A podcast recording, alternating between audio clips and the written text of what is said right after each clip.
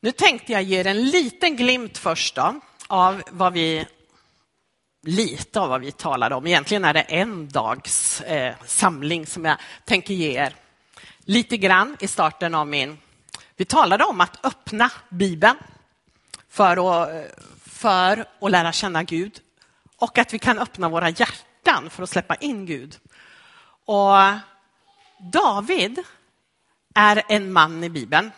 Egentligen var han en pojke när vi mötte honom först. När vi möter honom först. Eh, som fick vara med och betyda otroligt mycket. Det står om honom att han var en man efter Guds hjärta. Någon som gjorde Gud glad helt enkelt. Förra söndagen så vet jag att på söndagsäventyret alltså, så pratar ni om en drottning. Är det någon av er som var med då eller? Var det några som var drottningar och prinsar här förra veckan eller? Ja, ja titta där. Idag då, den här mannen, han var kung. Han fick betyda otroligt mycket. När han var en liten grabb, man, man vet inte riktigt, men kanske 10 till 15 år någonstans, så får han vara med om något mycket märkligt.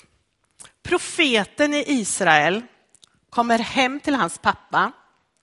David, han var, vi kan ta nästa bild där, han var minst av åtta bröder.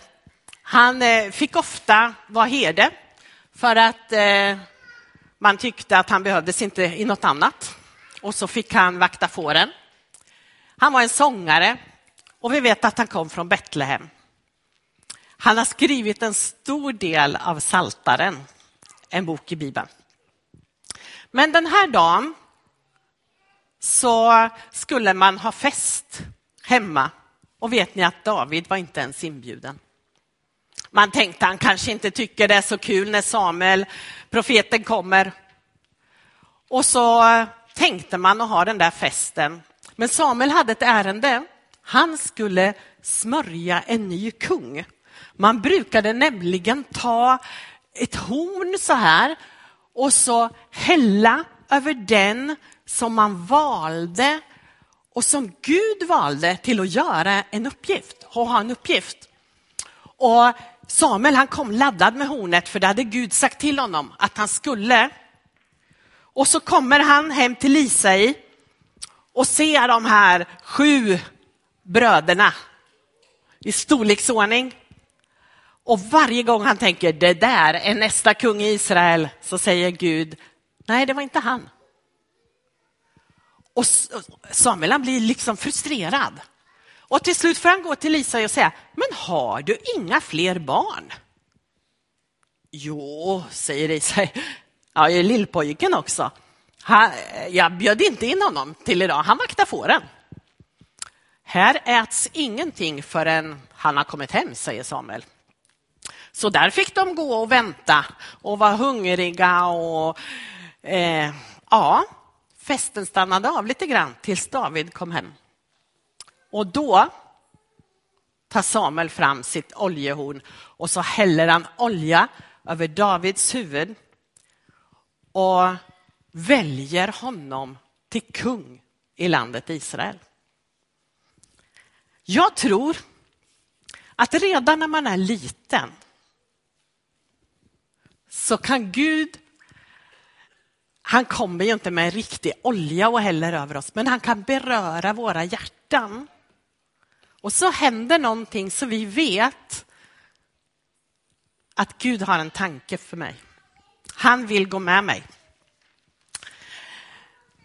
David, han blev så småningom kung. Han fick vänta ganska länge. Och han fick vara med om mycket spännande på vägen. Jag tror att... Eh, nej, vi väntar lite med de bilderna. Ja.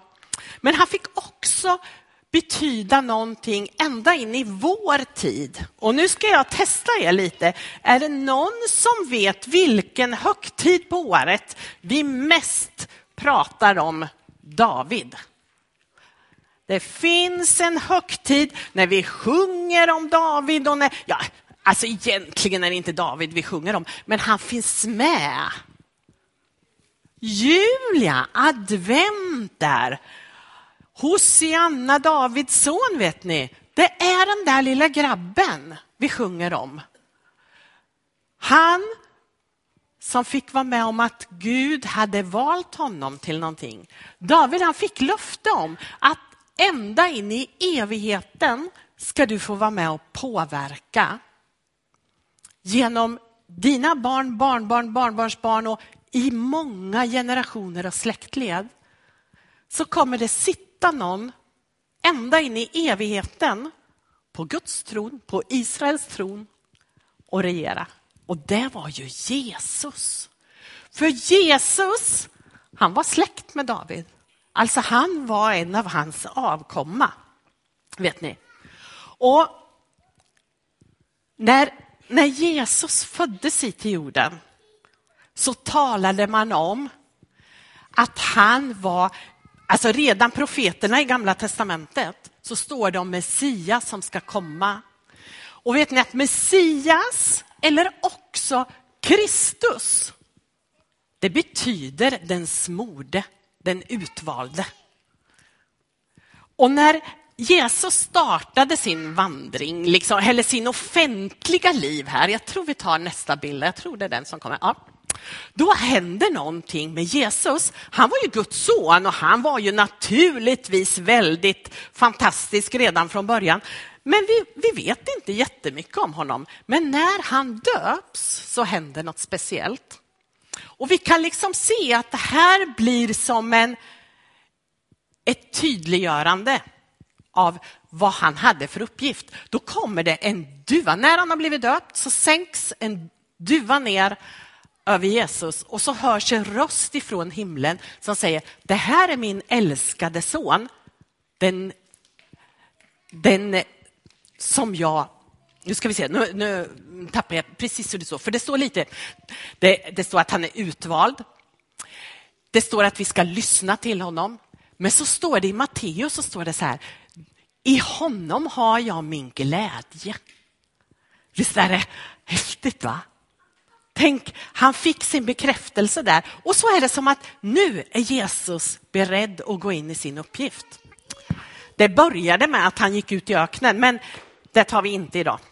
Så börjar han sin uppgift. Man skulle kunna säga att den helige ande bekräftade Jesus, Jesu uppdrag. Och på samma sätt så har vi fått löftet om att vi ska få den heliga ande som leder oss in. Ja, jag måste läsa den där versen för er. Det är från samma bok i Bibeln som Sabina läste från, bara lite längre fram. När Jesus precis hade börjat sitt offentliga uppdrag så kommer han till synagogan och då tar han fram deras bibel och så läser han så här. Herrens, Herrens ande är över mig. Han, han visste vad som var gjort med honom, precis som David visste vad som hade blivit gjort med honom. Ty Herren har smort mig till att predika glädjens budskap för de ödmjuka. Han har sänt mig att förbinda dem som har ett förkrossat hjärta, att ropa ut frihet för de fångna och befrielse för de bundna, till att predika ett nådens år från Herren. Det står vidare här, men Jesus slutade där. När han läste den här och så säger han, idag har det här gått i uppfyllelse för er. Här är jag. Och så får han, smord av den heliga ande, utföra sitt uppdrag. Och då är det spännande att Jesus sen säger, nu är det er tur. Och på samma sätt får vi ta emot den heliga ande som kommer över oss. Då står det att vi ska få kraft att bli hans vittnen. Så när den helige ande kommer till oss när vi säger ja Jesus, jag vill tro på dig, jag vill följa dig, jag vill göra det du har gjort för mig. Då kan man säga att vi blir smorda. I gamla testamentet använder man oljan, men nu får vi den helige ande som bor i oss Och så kan vi få vara med och göra skillnad. För det är tänkt om dig att du ska göra skillnad. David han fick vara med. Han fick till och med vara med och slå ner en jätte som hotade hela landet. Han fick vara med och förändra landet och göra väldigt mycket. Och vet du att det är tänkt om dig, vare sig du är liten eller du har hunnit bli lite äldre, så är det tänkt om dig att du ska få vara med och göra skillnad. För Gud har kallat på dig.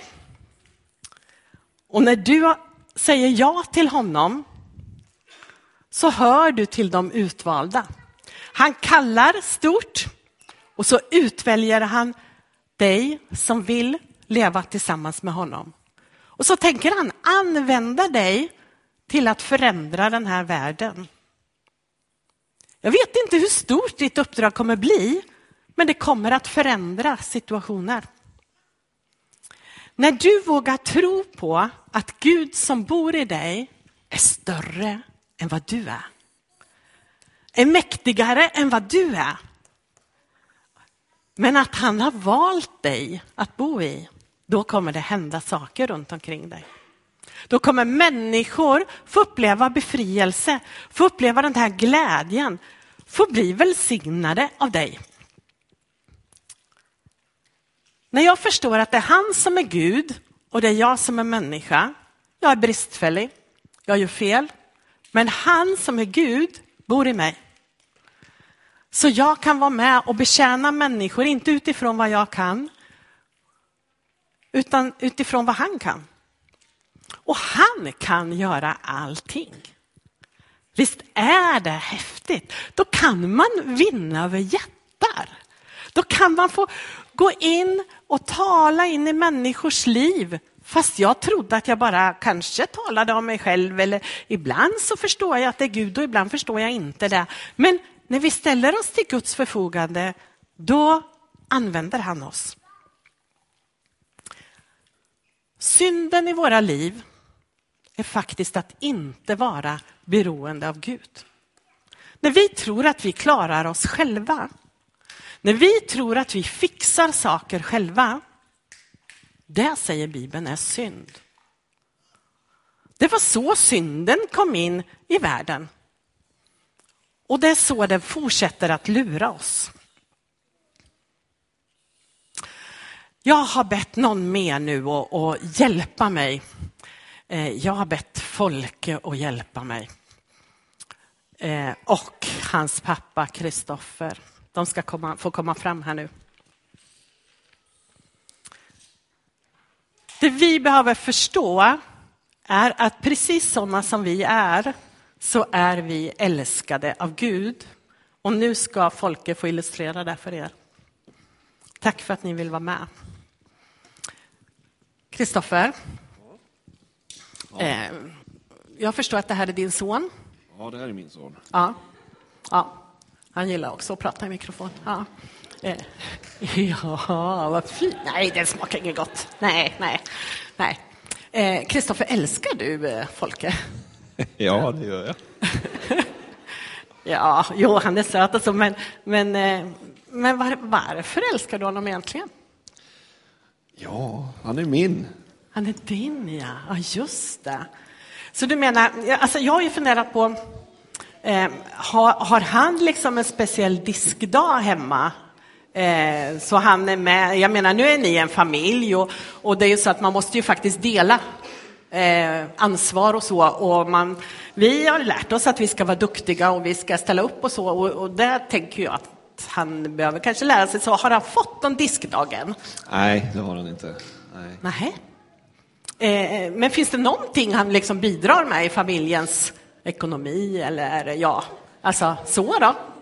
Nej, nej ingenting. Nej. Eh, är han alltid så här glad? Mm, nej. Nej, nej. Alltså, stör han mycket där hemma eller? Beror på vad man menar. Det är klart han skriker och sådär. Han gör men det, det. jag Ja. tycker inte det är särskilt störande. Nej. Nej, det Alltså, händer, lite- händer det att han spyr på dig? Eller Ja, något sånt? ganska ofta faktiskt. Det gör det? Ja. Händer det att han bajsar på sig? Ja, också ganska ofta. Ja. Okej. Ja. Men du menar att du älskar honom fortfarande, eller? ja, naturligtvis. Alltså känns det inte någon gång när du står där i allt det här att, att den kärleken liksom avtar eller att du eh, skulle vilja byta ut honom eller? Nej, verkligen inte. Det gör inte det. Så, så egentligen så finns det bara en orsak till att du älskar honom. Ja, Och det är att han är din. han är min. Aha. Okej. Va, Alltså, du Kristoffer, jag förstår ju att det är fantastiskt. Jag, jag vet ju det, att det är fantastiskt att ha ett barn. Ja, Och vet du vad jag försöker lära oss här nu?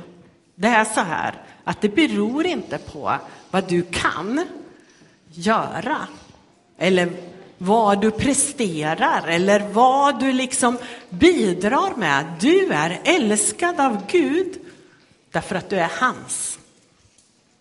Du är hans utvalda, alltså du är den som han liksom bara vill bekräfta. Jag vet ju att folket kommer att få ansvarsuppgifter så småningom. ja det, Tror du han Kommer sköta dem jämt? det, det betvivlar jag. Ja. Kommer du älska honom mindre när han inte sköter det? Nej, verkligen inte. Nej, nej. Tänk va? Att kärleken består igenom alla perioder i livet, hur den är. Nu, nu en sista fråga här nu då. Vad vore liksom det värsta som skulle kunna hända i er relation?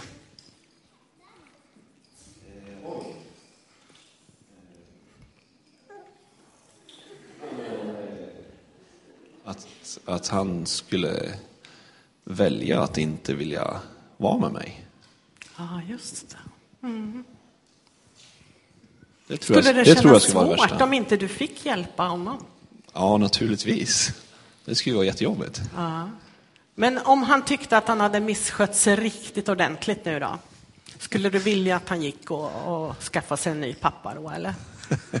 Nej, nej, naturligtvis inte. Det är klart, det spelar ingen roll hur mycket han missköter sig. Jag är fortfarande hans pappa och kommer alltid att älska honom. Tack, Kristoffer. Tack. Och Folke.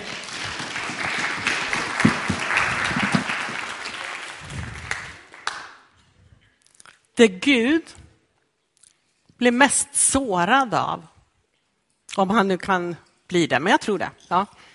Det han blir mest ledsen över, det är när inte du ber honom om hjälp. När du inte är till honom du vänder dig, utan du hämtar din hjälp och din kraft antingen i din egen prestation eller någon annanstans. När du börjar tro att du inte duger, då sårar du din skapare.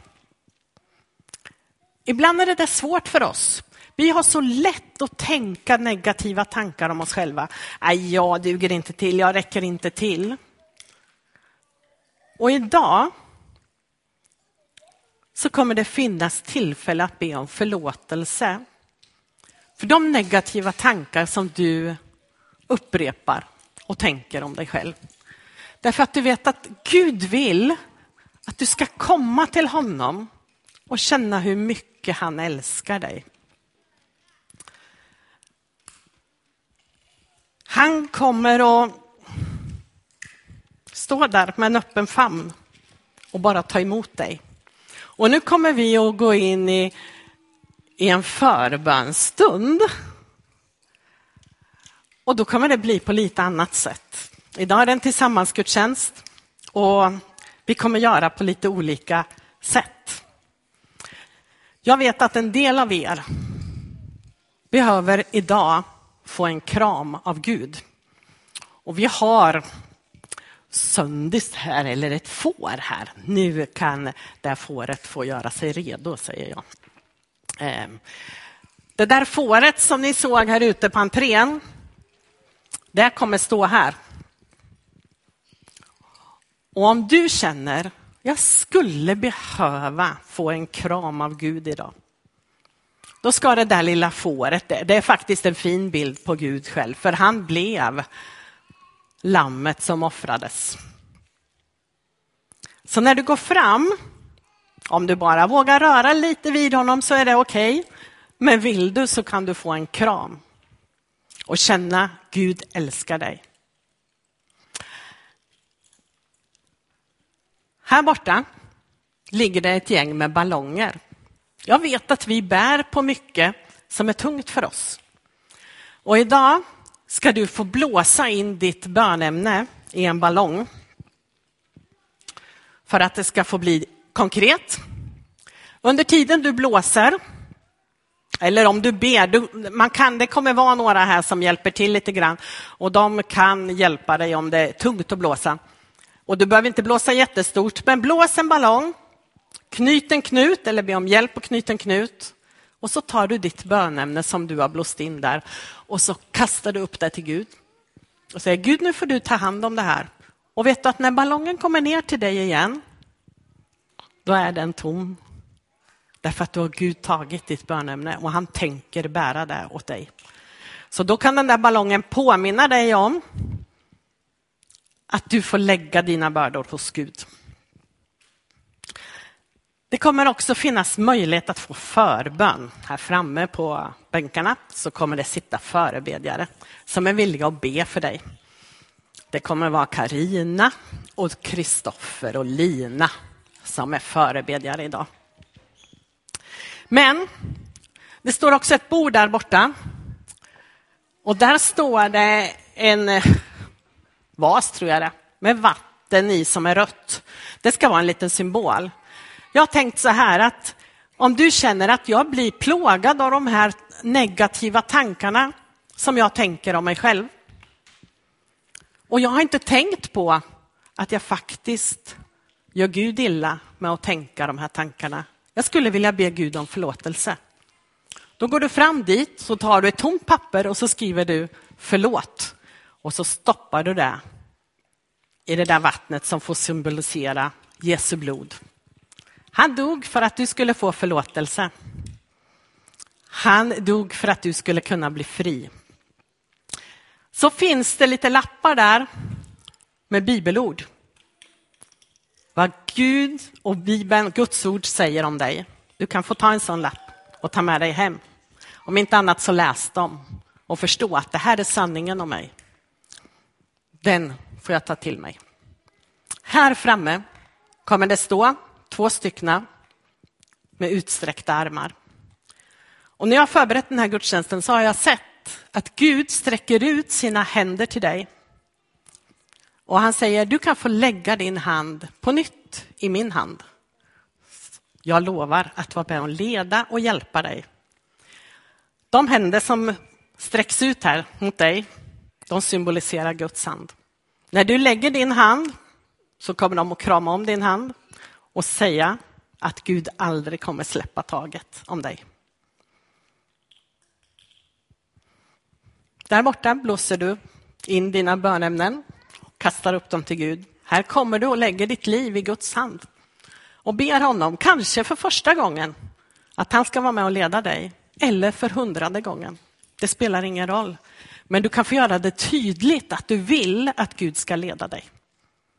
Här borta kan du få krama fåret. Och så kan du få be om förlåtelse. Vad det än är du vill be om förlåtelse, skriv förlåt på ordet, stoppa det i vattnet.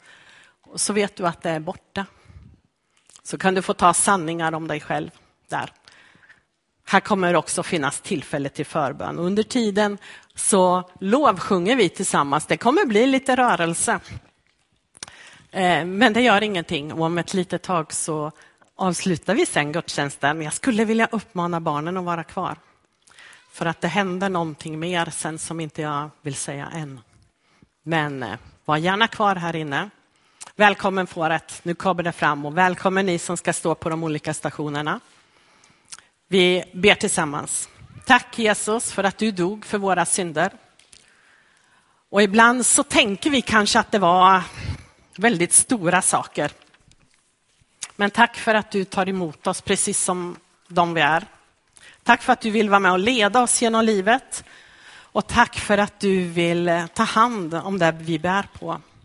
Hjälp oss att förstå att vi är viktiga för dig. Att vi får lägga våra liv i dina händer och att du kommer vara med och bära oss. Amen.